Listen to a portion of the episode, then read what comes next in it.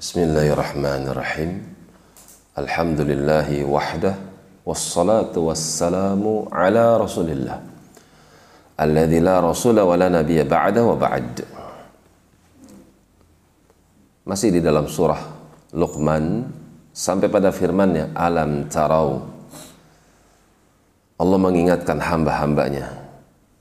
Tidakkah kalian hai hamba menyaksikan Anallaha sakhara lakum. Sesungguhnya Allah telah menundukkan makhluk-makhluk yang besar lakum untuk kalian. Ma fis samawati apa-apa yang ada di langit-langit, matahari, bulan, bintang, angin. Semuanya akan tunduk demi kepentingan kalian matahari, bulan tunduk untuk membantu kalian menghitung waktu-waktu ibadah duniawi dan juga ukhrawi. Wa ma fil ardi. Demikian pula apa yang ada di muka bumi. Tumbuh-tumbuhan, air yang dengannya kalian minum, untuk kalian hewan ternak kalian, dan juga tanaman kalian. Semuanya tunduk. Wa asbagha alaikum dan Allah sempurnakan. Untuk kalian. Ni'amahu nikmat-nikmatnya zahiratan. Nikmat-nikmat yang zahir. Wa batina demikian pula yang batin. Yang zahir kesehatan kalian,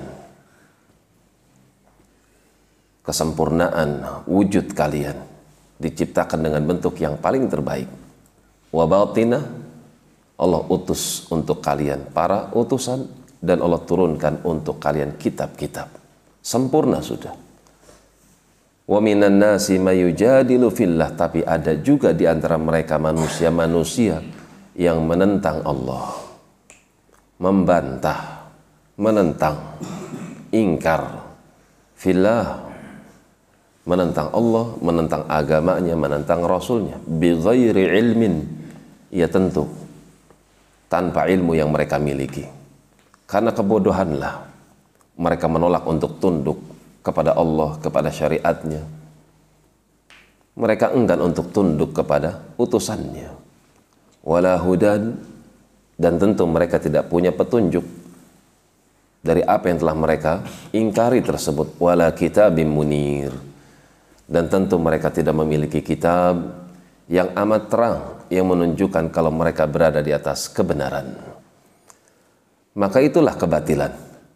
Setiap kebatilan pasti dibangun di atas kebodohan di atas penyimpangan dan pasti mereka tidak memiliki buku mereka tidak memiliki sandaran di dalam berpijak, baik suatu hal yang mereka yakini atau sesuatu yang mereka amalkan.